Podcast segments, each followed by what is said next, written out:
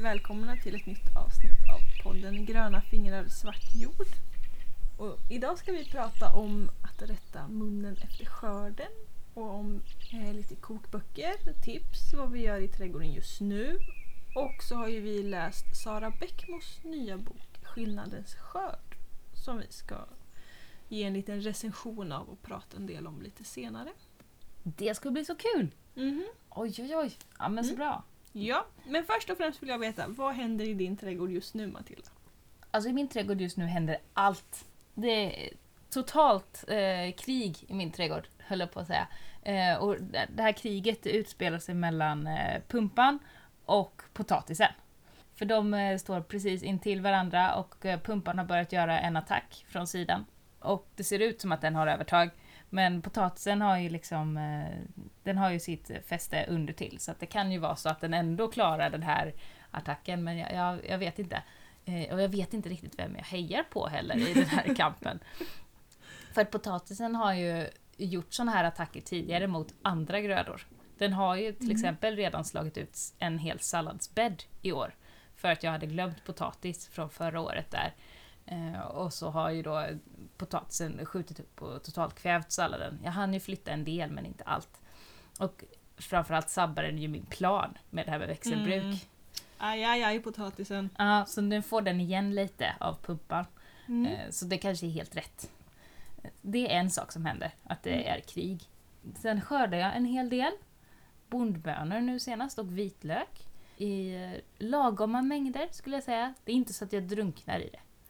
Det är ganska skönt faktiskt. Mm. Att man känner att man hinner hantera Ja, skörden emellan. Så. ja, så jag har gått runt hela dagen och tänkt jag måste fixa med vinbären. Jag måste fixa med de röda vinbären och skörda dem. Men det har jag inte hunnit med. Men det kommer ju en dag imorgon också. Det gör det. Ja men det, det rullar på, gör det. Mm. Eh, Så det hände väldigt mycket. Och jag passade ju på att ta lite semester. Jag var borta i fyra dagar. Det måste du ju berätta om, tycker jag faktiskt. Ja, ja det har inte så mycket med odling att göra, men jag var ju iväg och cyklade. Jag gillar ju att cykla mycket, det är en av mina stora hobbys, är ju att cykla. Och då kände jag bara att nej, nu måste jag iväg, nu måste jag få ha lite egen tid här. eh, Bort från familj, odling och vardag och allt vad det är. Så då tog jag min cykel, satte mig på pendeltåget och åkte iväg och sen cyklade jag och cyklade och cyklade och cyklade och kom nästan hela vägen upp till Stockholm. Jag var i Gnesta kommun i alla fall. Mm. Eh, Näst, Hur, nästan uppe i Mariefred. ja, hur många mil blev det totalt? Eh, första dagen blev det 15 mil. Mm. Andra dagen vilade jag. Ja. Så då blev det inga mil. Alltså jag förstår det, för jag tänker typ "Ah, jag kanske skulle cykla till Matilda ikväll när vi ska podda och sen bara Alltså fast jag vet inte om jag orkar cykla den där milen. Nej. Så då tar jag bilen istället och får lite klimatskuld, dåligt samvete. Ska du ha? Ja, det ska jag ha. Jag vet det. och så tänkte jag när jag körde hit att men vad fan, Matilda cyklar ju 15 mil. Mm. Och då var det inte på eran elcykel. Nej, nej. Det är min, eh, min racer. Fast jag hade lite packning med mig också. Så Mm. att, eh, ja. Då kö- körde jag 15 mil. Och sen så på vägen tillbaka, för jag var ju tvungen att åka tillbaks de där 15 milen också. Så tänkte jag, klarar jag det på en dag? Har jag gjort innan då bevisligen, för jag tog ju mig dit. Men jag kände att nej, nu är ryggen lite slut och jag har lite ont i nacken. Så då delade jag upp det på två, så då blev det och det var 6,5 mil och sen 8,5 andra dagen. Så att, eh, ja, och övernattning i Nyköping. Mm. Mm. Så det, det var bra grejer. Och så pendeltåg hem till Tranås och sen så sista bilen upp hit då. Ja, precis. Ja. Den lilla milen. Den lilla milen, den Ja. lilla uppförsbacken. Ja? Mm. Ja. Så eh, då var jag ju borta i fyra dagar. Och det roliga med att vara borta i fyra dagar från sin odling är att det händer så otroligt mycket. Det ser ju inte jag riktigt när jag är hemma varje dag och påtar i trädgården. Allt som händer. Men när man är borta så inser man ju hur fort det faktiskt går. Mhm. Så att min, eh, min pumpa nu då. ja, berätta om din pumpa. Vi måste ju ha, eftersom att pumpan är ett genomgående tema det här året för mig. Eh, den hade ju växt från att vara kanske stor som en eh, clementin, en liten, så här, Mm. eller satsuma, jag vet inte. Eh, ja, till att bli stor som, kanske som en grapefrukt. Ja, något åt det hållet. Ja. den har växt rejält i alla fall. Mhm. Mm. Den är ju över 10 cm i diameter liksom. Den kanske är 12-13 i diameter. Ja, så Mm. det är kul. Ja. Att det, det, det kan ju tydligt se att det händer saker på. Och tomaten i växthuset skjuter iväg eh, och, och sånt där. Ehm, När vi spelade in podd sist för ungefär två veckor sedan så Mm. blommade dina tomater. Och du hade fått några gröna på en. Mm. Nu hänger det ju faktiskt klasar med gröna tomater på var och varannan skulle jag säga. Ja, nästan alla. Ja. Just den här som är närmast, den har ju inga bara för det. Men eh, den har den. Ja, men de, de många Mm. i alla fall. Så att det är kul. Det, det är lite av det som händer hos mig. Mm. Lite av allt. Lite av allt. Ja men det är ju så, allting har ju bara skjutit iväg senaste dagarna. Vad händer hos dig? Vi har skördat första gurkan. Woho! Mhm. Vad var det för gurka? Det är en slanggurka av sorten Market More 76.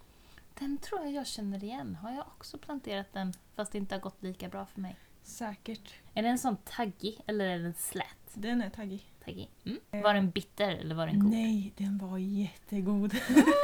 Hur stor Det- var den? Eh, kanske... Som ett flygplan? Nej, Ja, jo men ungefär. Ett litet flygplan. ett pappersflygplan. Ja, men ungefär. Kanske. Eh, ja, men den var kanske 15-20 centimeter något. Den kunde kanske ha liksom fått hänga en dag ett par dagar till. Eh, skalet var liksom lite hårt Mm. i ena änden så. Eh, men man kan ju inte hålla sig hur länge som helst. Nej. Man måste ju njuta av det. Man kan ju liksom inte bara vänta med att skörda. Risken är att man väntar för länge. Mm. Så det, vi har käkat gurka, vi har käkat broccoli. Oh, det är jag så avundsjuk på. Oh, alltså de är så, man liksom bara bryter av dem och det bara liksom snärtar till liksom och sen är de mm, jävligt goda rent ut sagt. Faktiskt. Det går inte att beskriva på något annat sätt. Det går ju liksom inte att jämföra med de här lite småsega trådiga sakerna man kan köpa i affären. Nej, För de här små bro- broccolibuketterna är ju liksom Ja. det Det, är bara, livet liksom. ja, det bara smälter i munnen. Man liksom bara tuggar och känner hur det bara liksom försvinner. Så jävla Ehm, så det, Det är bra. Var gurkan i gurkbänken förresten? ja. Hur funkar det här med gurkbänk? Alltså Berätta den, om gurkbänken. Gurkbänken, eh, det är ju min drivbänk som jag bara liksom... Men jag vet att min svärfar alltid odlade gurka i gurkbänk när Mm. min sambo var liten. Inläggningsgurka. Mm. Bara en sån lång jäkla drivbänk i stort sett med Mm. gurkor i och sen lite lock på. Och sen vattnar de där. Och så. Med lo- alltså glas på eller plast ja, på? Eller? plast. Ja, de vet jag inte. Jag körde ju med glas först men det blir ju för tungt. Så sen gjorde vi plastlock.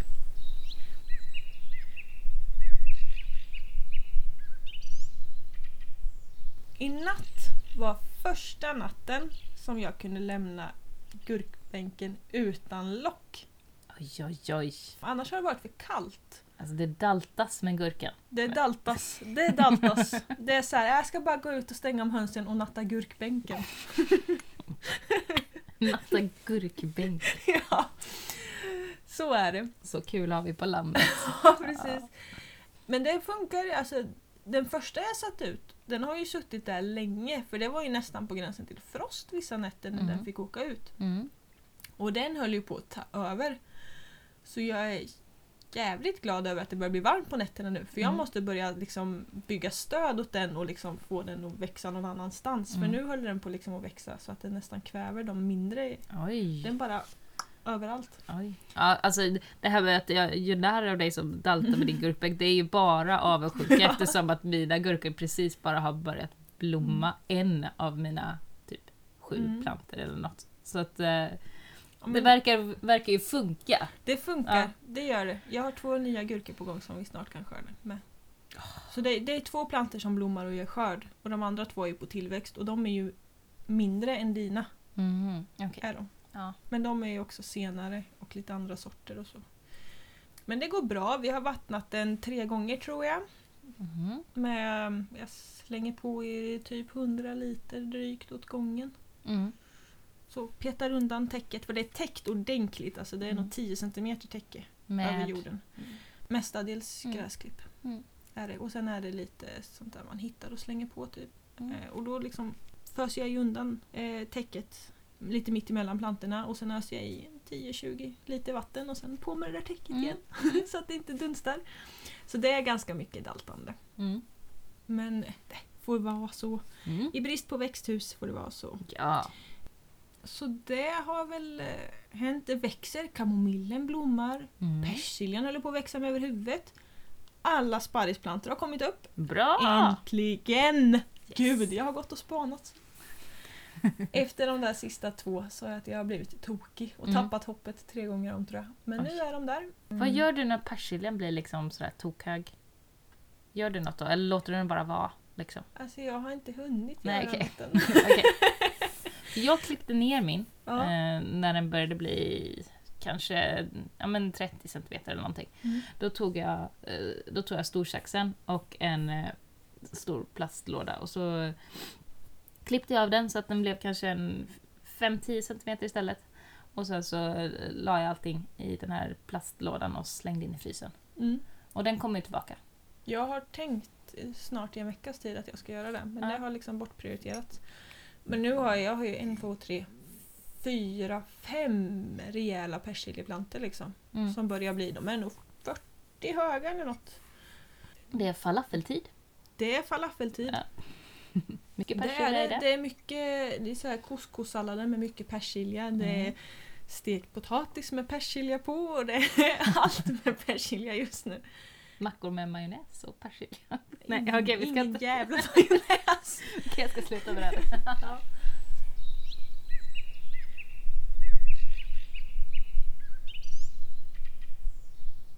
Så det är väl typ vad som händer. Jag har sått lite mer. Mhm. Sallad, pak choi har jag sått. Blomkål, Mm. Spetskål. Spetskål har jag inte sått. Däremot så har jag ju sagt att jag skulle så savoykål första juli. Just det, hur gick det med det? Det gjorde jag inte. Nej men, Nej. Jag alltså vilken den- fail! Ja, jag vet. Jag bara såhär, fan första juli har varit! Jag hann inte med. Nej! Så att jag sådde den fjärde juli. Mm. Så att, ja, den har inte kommit upp än. Har den inte gjort. Nej, det, nu kanske det inte funkar. Nej, det kanske är kört nu. Nu hinner den inte bli färdig. Nej, det kanske var den där som gjorde det. Nej, jag vet inte. Eh, och blomkål, det kanske jag sa. Mm. Och sen Ja. har barnen sått mer solrosor. Ja, då får vi se hur det går. Ja, det är det enda som gror hittills. Men vi får se om det blir något Ja. av det. Liksom. Om det blir någon blomma liksom. Ja, vi har paprika på gång. Oh, bra! Och sötpeppar och chili börjar komma frukter på. Och det är blommor så in i bomben alltså. Det är så sjukt mycket blommor på mina de växterna. De var så snygga dina chilisar senast jag såg eh, Mm. de plantorna. Så det förvånar mig inte. Det är de fortfarande. Det är så va? Ja, Men har du dem på friland eller har du dem i... Nej, de står Fridäck. på friland. Coolt! De har ju stått lite vindskyddade av fönster. Mm. Lutade emot som bara gett lite vindskydd. Så. Mm. Ehm, men de är ju, alltså om man jämför mina chilisar och dina chilisar så är Mm. mina typ hälften så höga. Och det Mm. gäller ju tomater och alltihop. Mm. Att de är ungefär hälften så höga Mm. med väldigt mycket bladmassa. Mm. Men de, det ger ju, verkar ju ge skörd. Nu har jag inte Mm. sett om någonting hinner mogna. Nej, Det är väl den lilla det detaljen. är det som blir det spännande. Ja, Mm. Mm. eh, faktiskt. Och tomaterna, de, alltså det skjuter i höjden. Mm. Tycker jag. Jag var uppe i natt och hämtade pinnar från rishögen bakom våran ladugård. Är det något man gör nattetid? Ja, ja, jo, jo, det får bli så ibland helt enkelt. Eh, och liksom fick så här st- stoppa ner lite rejälare pinnar Mm. för att de inte ska vippa och rangla. Och, Just det. mm. Det händer ju jättemycket ju. Ja men det gör det. Börja torka till te, pepparmynt och sånt där har jag börjat göra. Det är bra. Ja men det händer mycket. Det gör det. Det gör det. Skoj!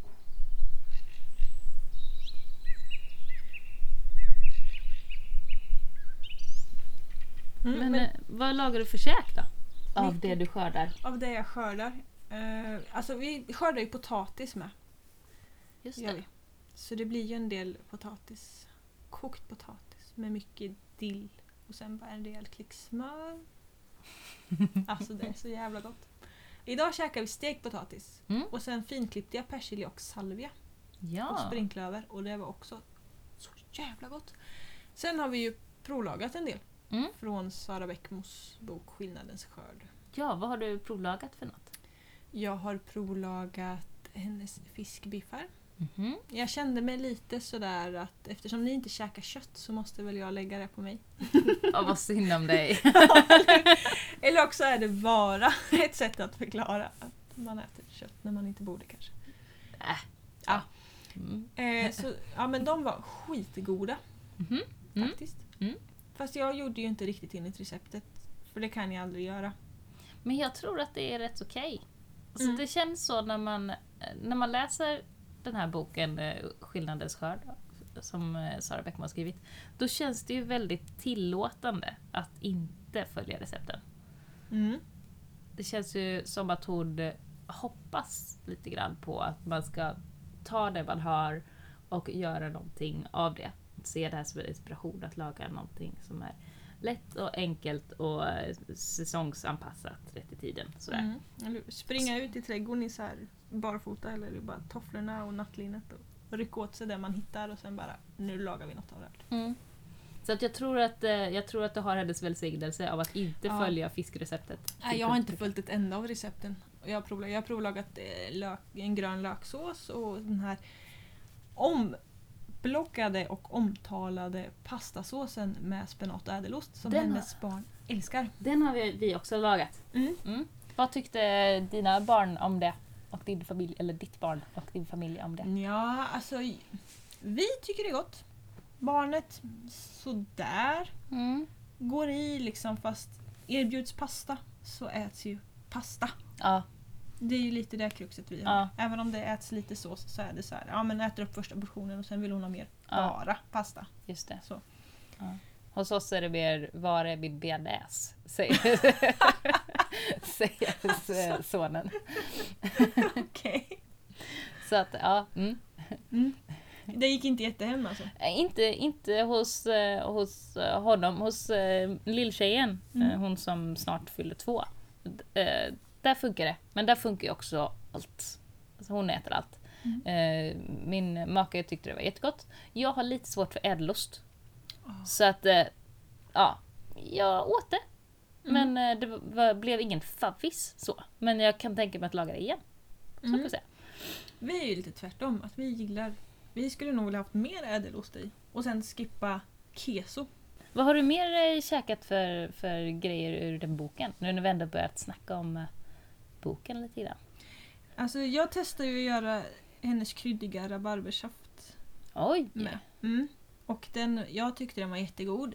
Den tillsammans med lite bubbelvatten. Mm. Det är en av de sakerna som vi köper fast vi inte, verkligen inte borde. Vadå, alltså köper ni vatten på flaska? Ja, vi köper vatten på flaska ibland. På riktigt? Ja, sommarhalvåret så köper vi vatten på flaska. Vi köper ingen saft, vi köper ingen läsk, vi köper vatten på flaska. Ja, jag blänger nu. Ja. Ja. det- Ja. Det är nästan så här så jag vågar inte sitta dig i ögonen. Okej, nu Ja. har jag blängt färdigt. Ja, men den, alltså rabarber, den kryddiga ra- rabarbersaften tillsammans med lite sånt bubbelvatten var så jävla gott. Mhm. Alltså blandar du de två tillsammans då? Ja, liksom? istället för att liksom blanda saften med liksom kranvatten så kör man bubbelvatten. Ah, då skulle man kunna köra liksom den i Sodastreamen. Ja, alla gånger. Det är samma sak. Typ. Ja, alla gånger. Mm. Coolt! Mm. Ja. Och sen har vi gjort eh, den gröna löksåsen som Mm. är genialisk. Okej, den har jag kvar att Ja, tillaga. alltså den har jag gjort variant. Jag har gjort den tre gånger tror jag med olika varianter. Mm. En gång typ efter receptet och två Mm. gånger har jag bara freestylat med det jag har hemma. Och den blir bara skitgod varenda gång. Och den är så enkel och så smart så jag bara det här är provocerande enkelt och gott. Men det är det jag, jag tycker verkar så bra med den här boken. Att recepten är eh, så provocerande enkla så att man känner att ja, ah, jag kan också skriva en kokbok. Men samtidigt så är det ju just det som man behöver. Om jag läser en kokbok, eh, vilket händer då och då, jag köper hem dem och sen har jag dem i hyllan precis som alla andra svenskar. Eh, och så eh, kollar man på något recept ibland och försöker laga det. Och så är det massa konstiga ingredienser, sånt som man aldrig använder till något annat och märkliga kryddor som man aldrig har hört talas om och som inte finns på ens affär då kommer inte jag laga det receptet igen.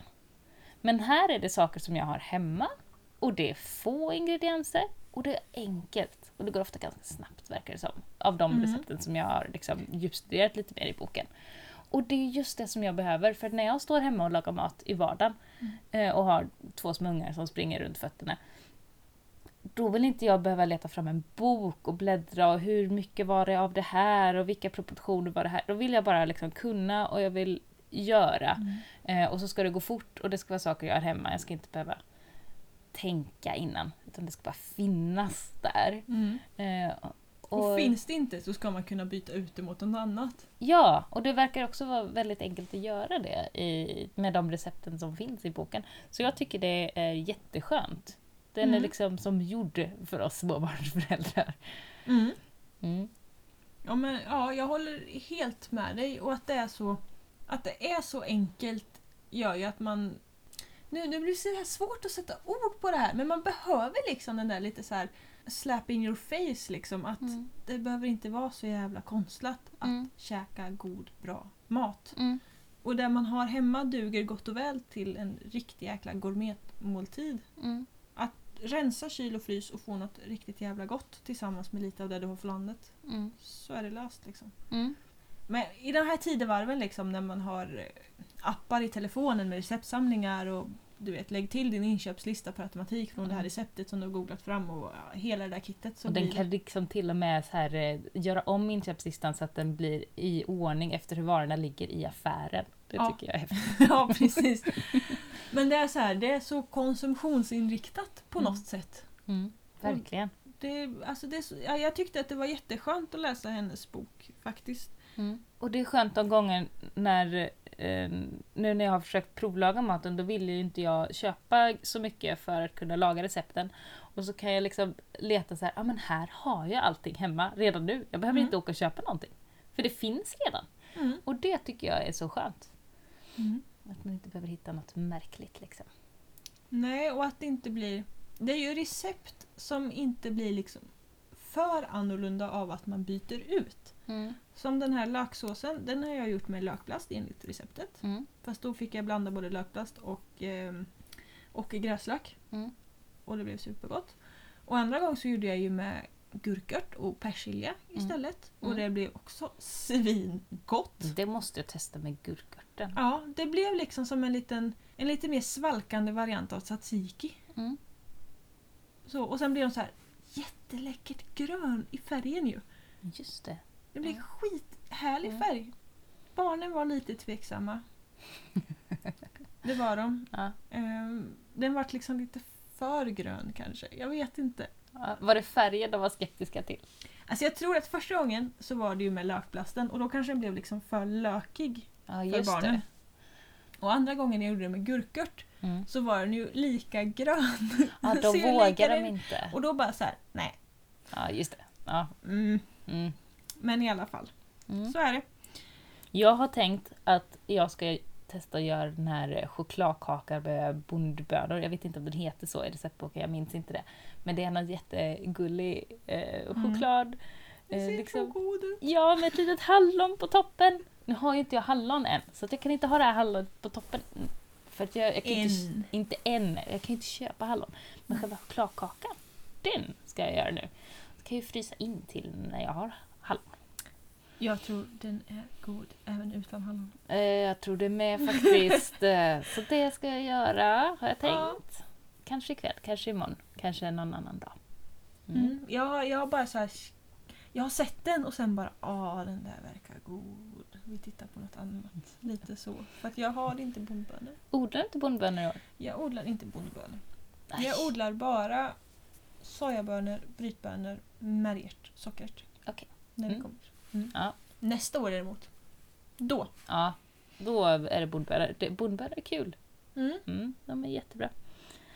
Den här potatissalladen har jag testat också från hennes bok och den tycker jag är fantastiskt god. Mm. Jätte, jättebra. Så den har jag experimenterat lite med. Vi skördar inte tillräckligt med sockerärtor än. Ah. Och det jag vägrar köpa. Ja, Jag vägrar. så att vi väntar. Den har jag suktat efter att testa med. Mm. Alltså generellt så verkar ju alla recept goda. Mm. Jag tänkte äppelsmöret. ska jag göra om vi får tillräckligt med äpplen. Ja. Sen tänker jag äta det med sked, direkt ur burken. Så är det bara. I en vecka kommer det sitta Ja, där. jag kommer bara sitta och äta. Eh, och Var är mamma? Nej, hon är med äppelspöret. Det kommer liksom... Ja men lite så känns det. Eh, och likadant äppelbrödet och ja, men de ugnsbakade morötterna.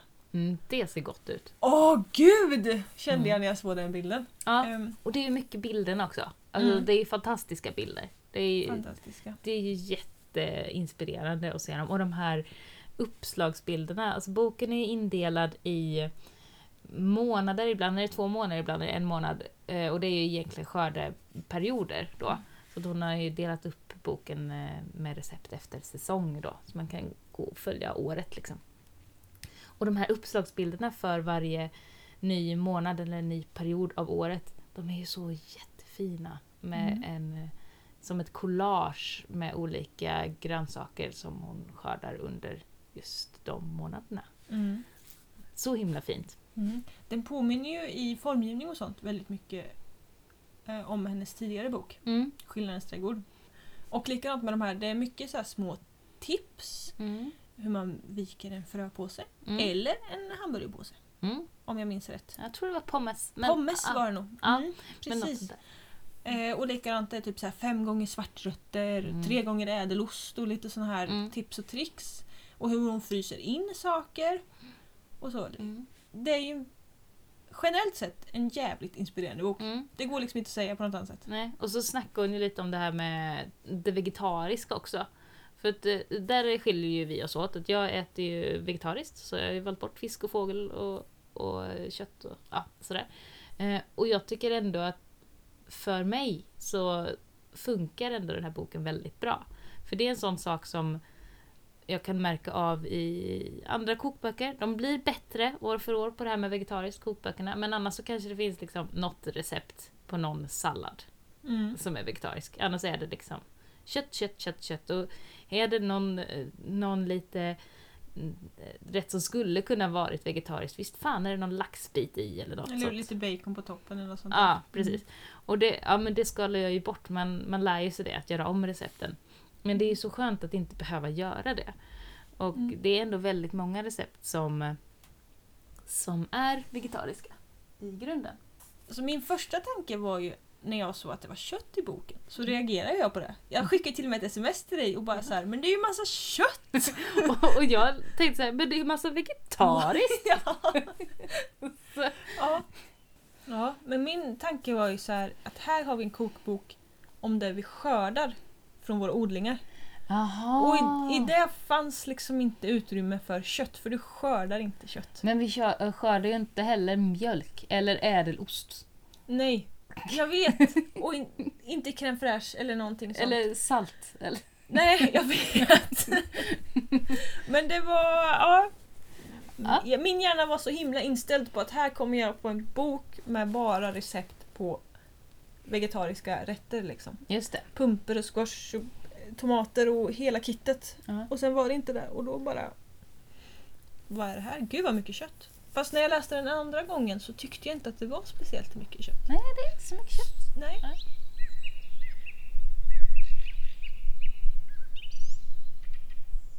Mm. Men hur använder du kokböcker? Jag använder dem mest bara som inspiration. Eller väldigt sällan ska jag säga. Mm. Vi har en hel drös kokböcker. Mm. Jag har också en sambo som är utbildad kock. Jaha. Mm. Är, är skägget utbildad kock alltså? Skägget är utbildad kock. Jaha. Mm. Det Fast- borde... Jag vill komma på, på middag Ja. någon gång. Ja, fast... Nej, det kanske jag inte vill. Nej, utbildning är inte allt. Nej. Nej, utbildning inte. Men han är mer åt det här eh, storköksslafskock än liksom gourmetkock. Jaha. Så. Okej. Mm.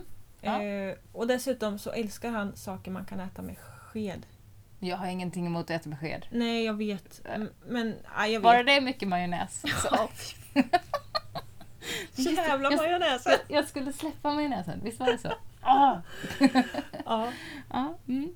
släpp majonnäsen. Nu får jag så här bilder av hur man käkar makaroner indränkta i majonnäs. Som typ mac and cheese fast liksom makaroner och majonnäs med sked bara så här. Och det är bara du vet så här, det här slafsljudet som Ja. är när man äter blöta makaroner. Majonnäs och ketchup.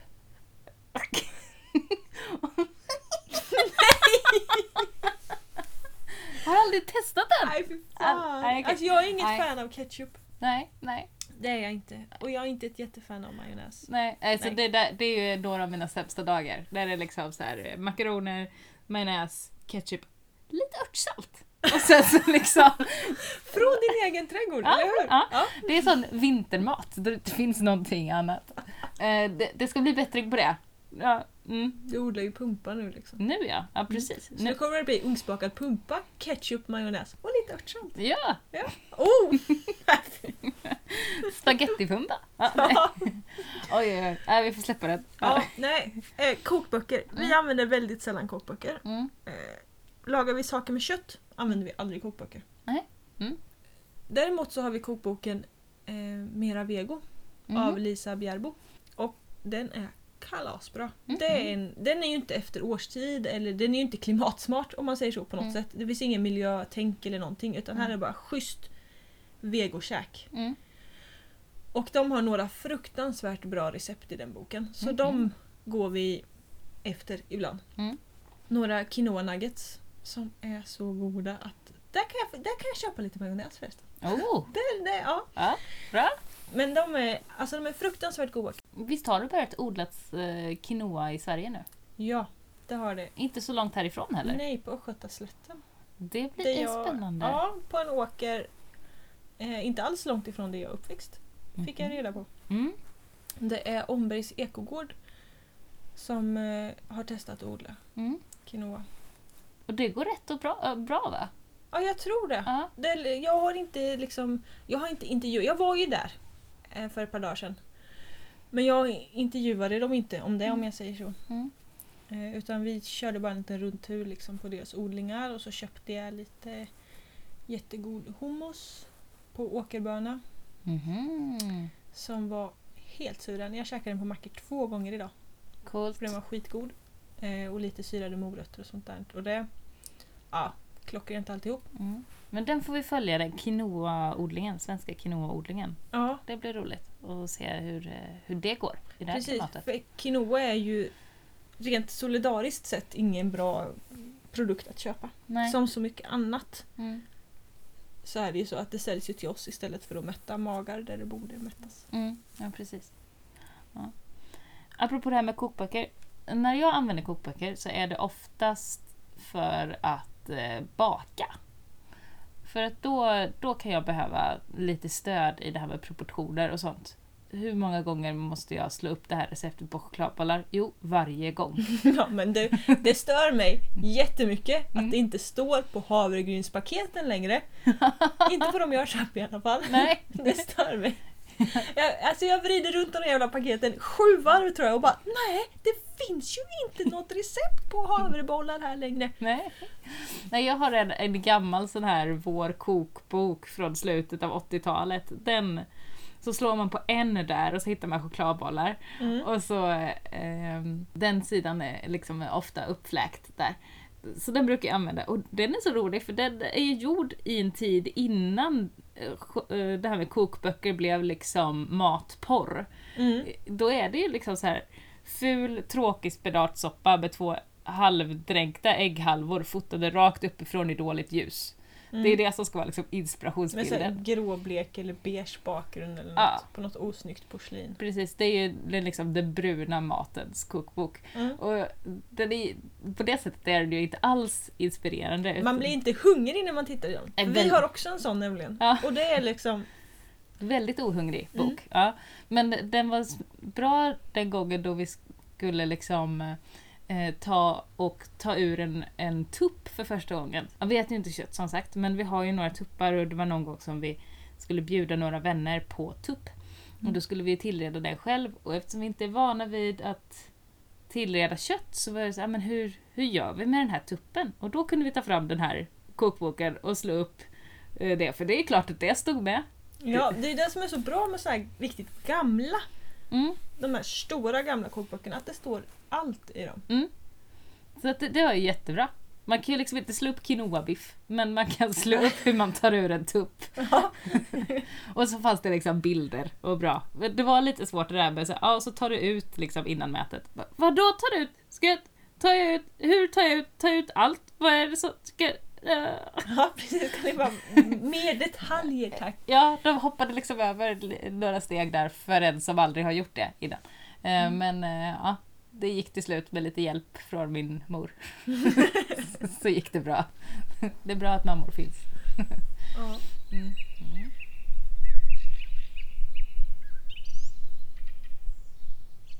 Det var en rolig middag förresten. Har jag berättat om den? Nej, det har du inte. När jag bjöd några bekanta på tupp. Jo, för att vi skulle ha eh, kycklinggryta då. Skulle vi Mm. bjuda på lite tuppgryta. Och sen gjorde jag en grönsaksgryta. Det var ju precis samma ingrediens förutom tuppen då. I Mm. den. Och så tillredde vi den här tuppen, gjorde grytan och sen så dukade jag upp fint vid vårt, eh, vid vårt bord, festduk och sen så satte jag en vas på bordet och i den här vasen så satte jag alla fjädrar från den här tuppen. och sen så tog jag och satte ett, en, eh, eh, en liten bild på bordet vid den här eh, vid den här vasen och då var det en bild på där den här tuppen var en liten, liten kyckling och gick runt där med sin hönsmamma. Och så, Skulle ni omvända dessa människor? nej, vi skulle provocera lite. Ja. Ja.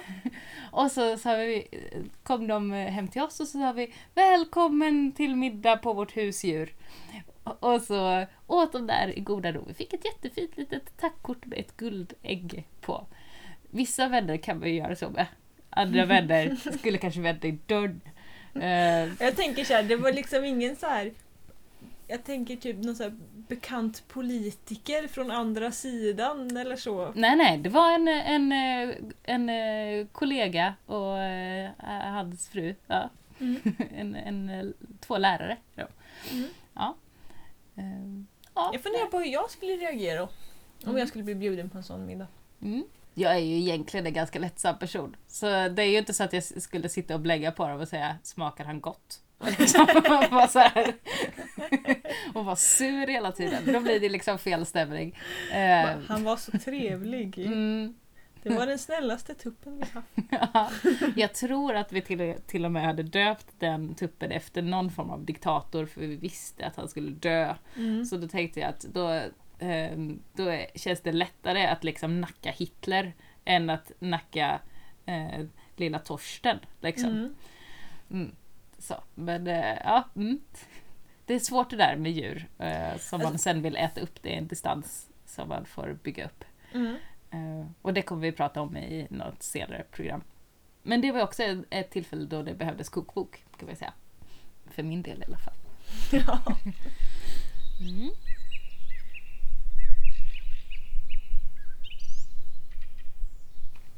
Tänker du att du har användning för Beckmos bok Skillnadens skörd?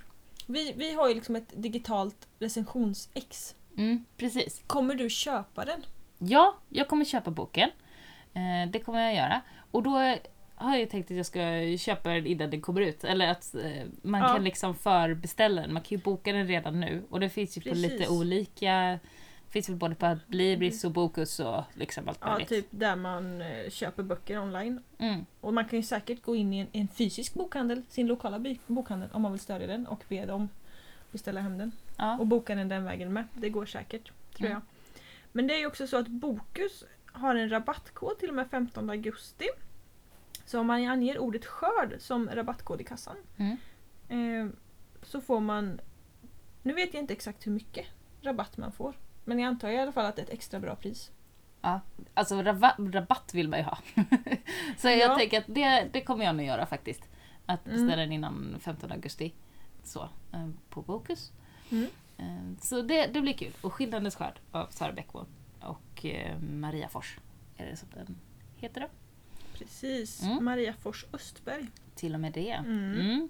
Ja men så det, det tänker jag göra. För att jag har mycket lättare att eh, förstå en bok, en fysisk bok, än en, eh, ja, en bok som finns på nätet bara.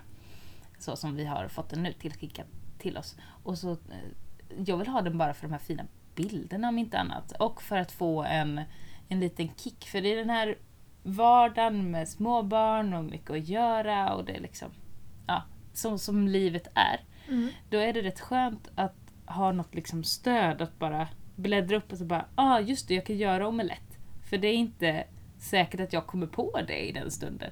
Även om jag har höns som, har, som ger mig ägg varje dag. Att, ja just det, det kanske jag ska göra. liksom. Det behöver inte vara något svårt i den här kokboken. Det behöver inte vara något som jag inte kan sen innan. Jag behöver bara få den där eh, någon som knackar mig på axeln och säger Hallå, du kan Mm. faktiskt Ja. göra omelett. Du kan Ja. faktiskt göra potatissallad. Du kan faktiskt göra en sås på din spenat. Precis. Eller gurkört som du sa. Eller gurkört, precis. Mm. Mm.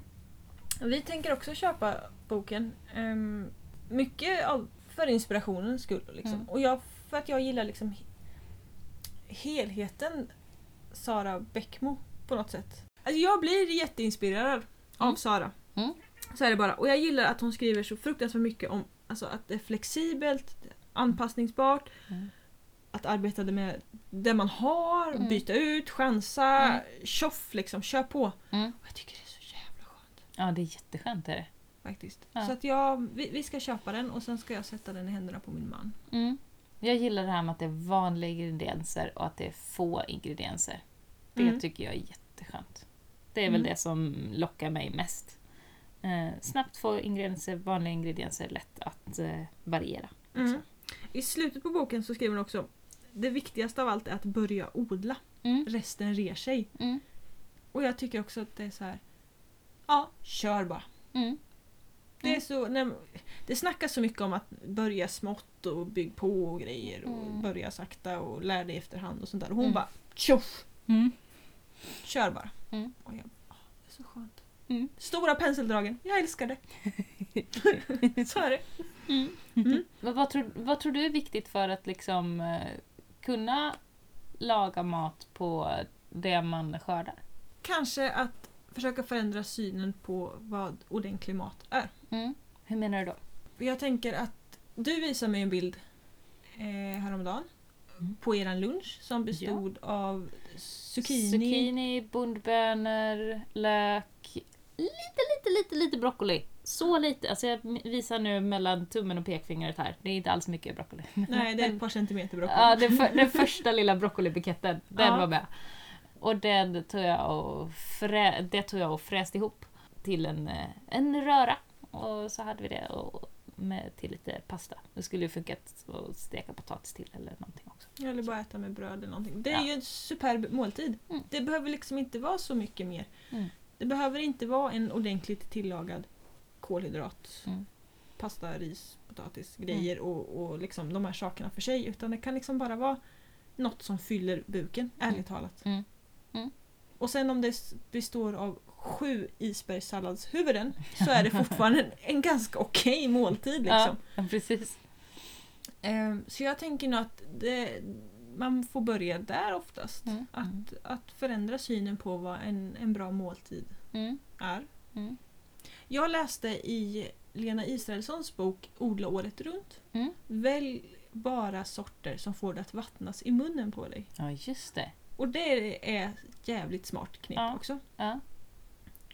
För det är ju skitdumt att odla någonting som du inte vill äta. ja, det är jättedumt ja. Det är jobbigt att ta hand om den skörden Ja. och sådär Ja. då.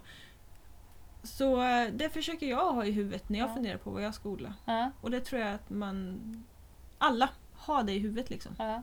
För mig handlar det då mycket också om att det ska vara roligt under tiden. För att jag har så lätt att eh, tappa sugen om Mm. det liksom inte är kul.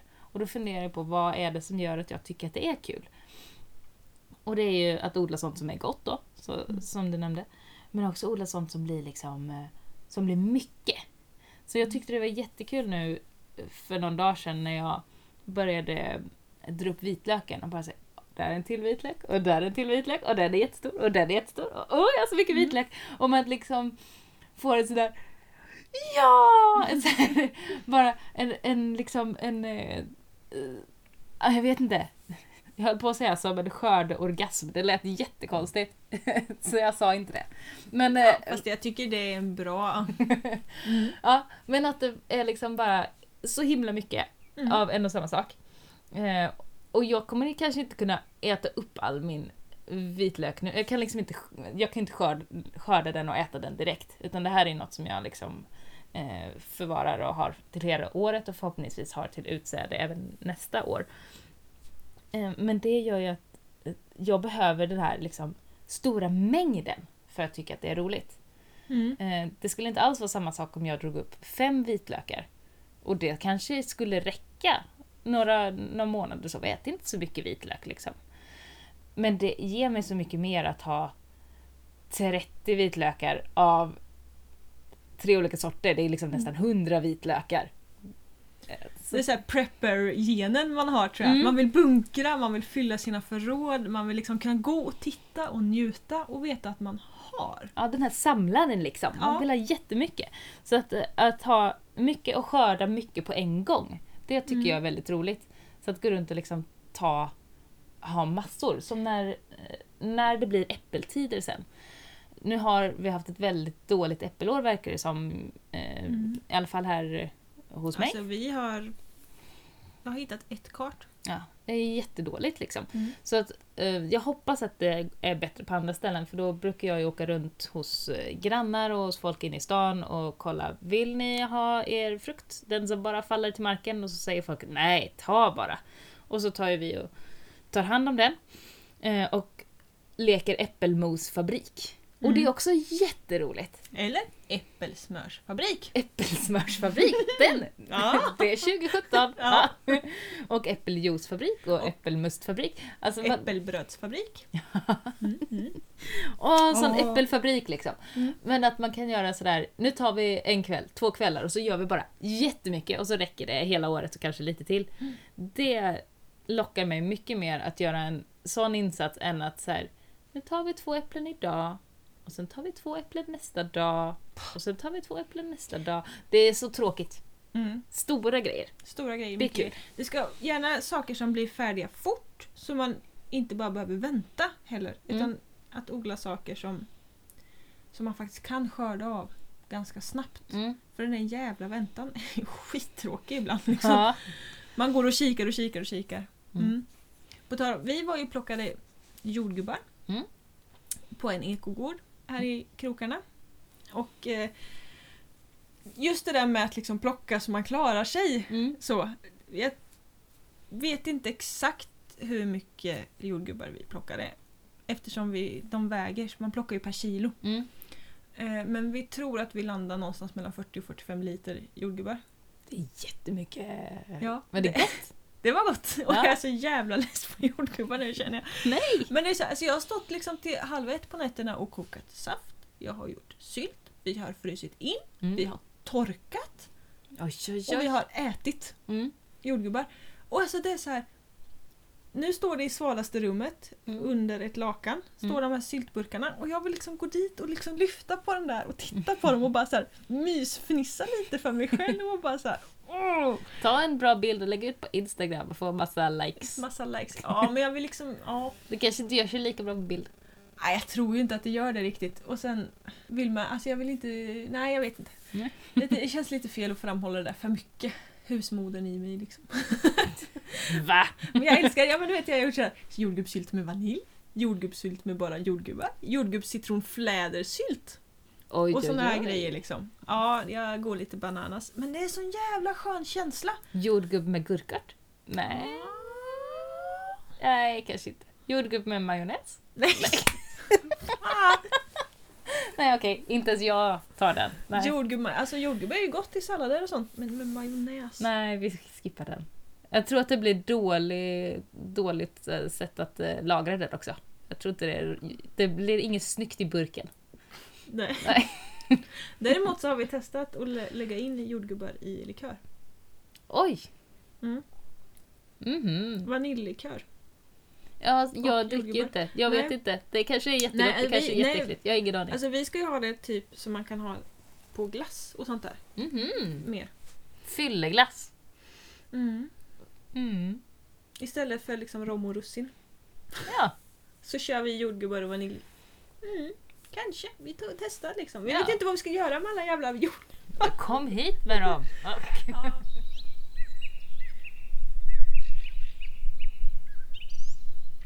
Du måste ju faktiskt ta och prata om din utmaning. Min utmaning, ja, min utmaningstid har börjat. Jag eh, avslöjade i förra poddavsnittet att eh, jag hade gett mig själv en utmaning att jag skulle inte handla några grönsaker från affären från första juli till sista oktober. Mm. Mm.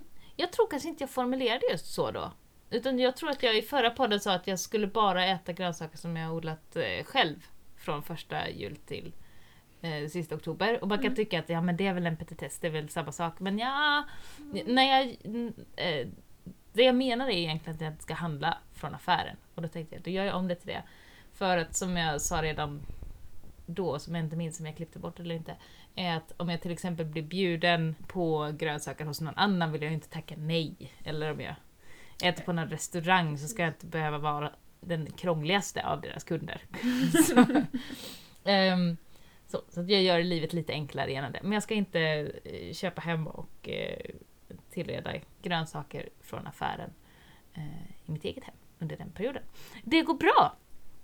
Gör det. Det har inte gått så länge på den här eh, lilla eh, utmaningstiden än. Nej, det har ju gått typ 14 dagar. Ja. Ish.